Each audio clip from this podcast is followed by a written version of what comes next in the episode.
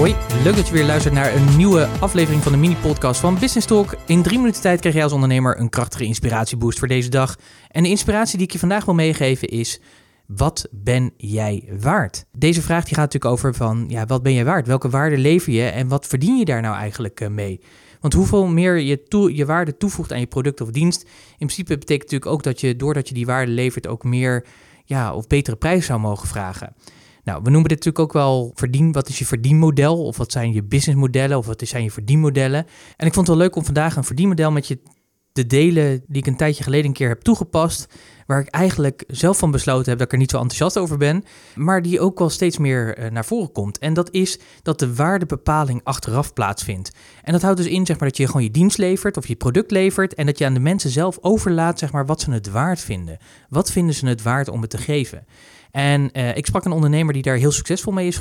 is um, en die dus dat doet. Die zegt van, joh, weet je, wij gaan aan de slag en dan bepaal je achteraf maar de waarde. Vaak gebeurde bij hem dat hij beter betaald werd dan dat hij eigenlijk de prijs had voor ja, de waarde van zijn dienstverlening die hij normaal uh, vroeg.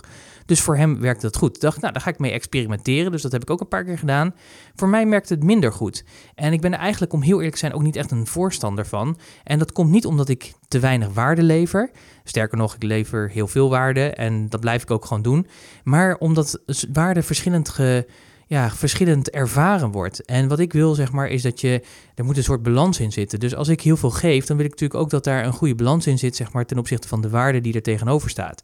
En als iemand anders die waarde anders inschat, dat wil niks zeggen over dat wat hij ervoor betaalt, dat dat niet misschien ook wel het bedrag is wat ik zou uh, vinden dat ze zou moeten betalen voor die persoon, omdat hij niet anders of meer kan betalen. Het zit dus heel erg in hoe je dus die waarde ervaart. En ik denk, ja, als je een business wil runnen, zou ik niet op deze manier zeg maar mijn business willen runnen, omdat het ook heel moeilijk te sturen is. Op die manier kun je moeilijk inschatten zeg maar hoe je omzet zal gaan omdat je gewoon niet weet ja, wat, wat de gemiddelde prijs zou zijn zeg maar, per product of dienst die je levert. Dus voor mij, ik heb besloten om er op deze manier niet mee om te gaan. Maar misschien is het voor jou wel interessant om ook een keertje ermee te oefenen. En uh, is dit misschien een verdienmodel waar je eerder nog nooit aan hebt gedacht? Misschien ook nog nooit van hebt gehoord dat je waardebepaling achteraf doet. Uh, het kan heel interessant zijn.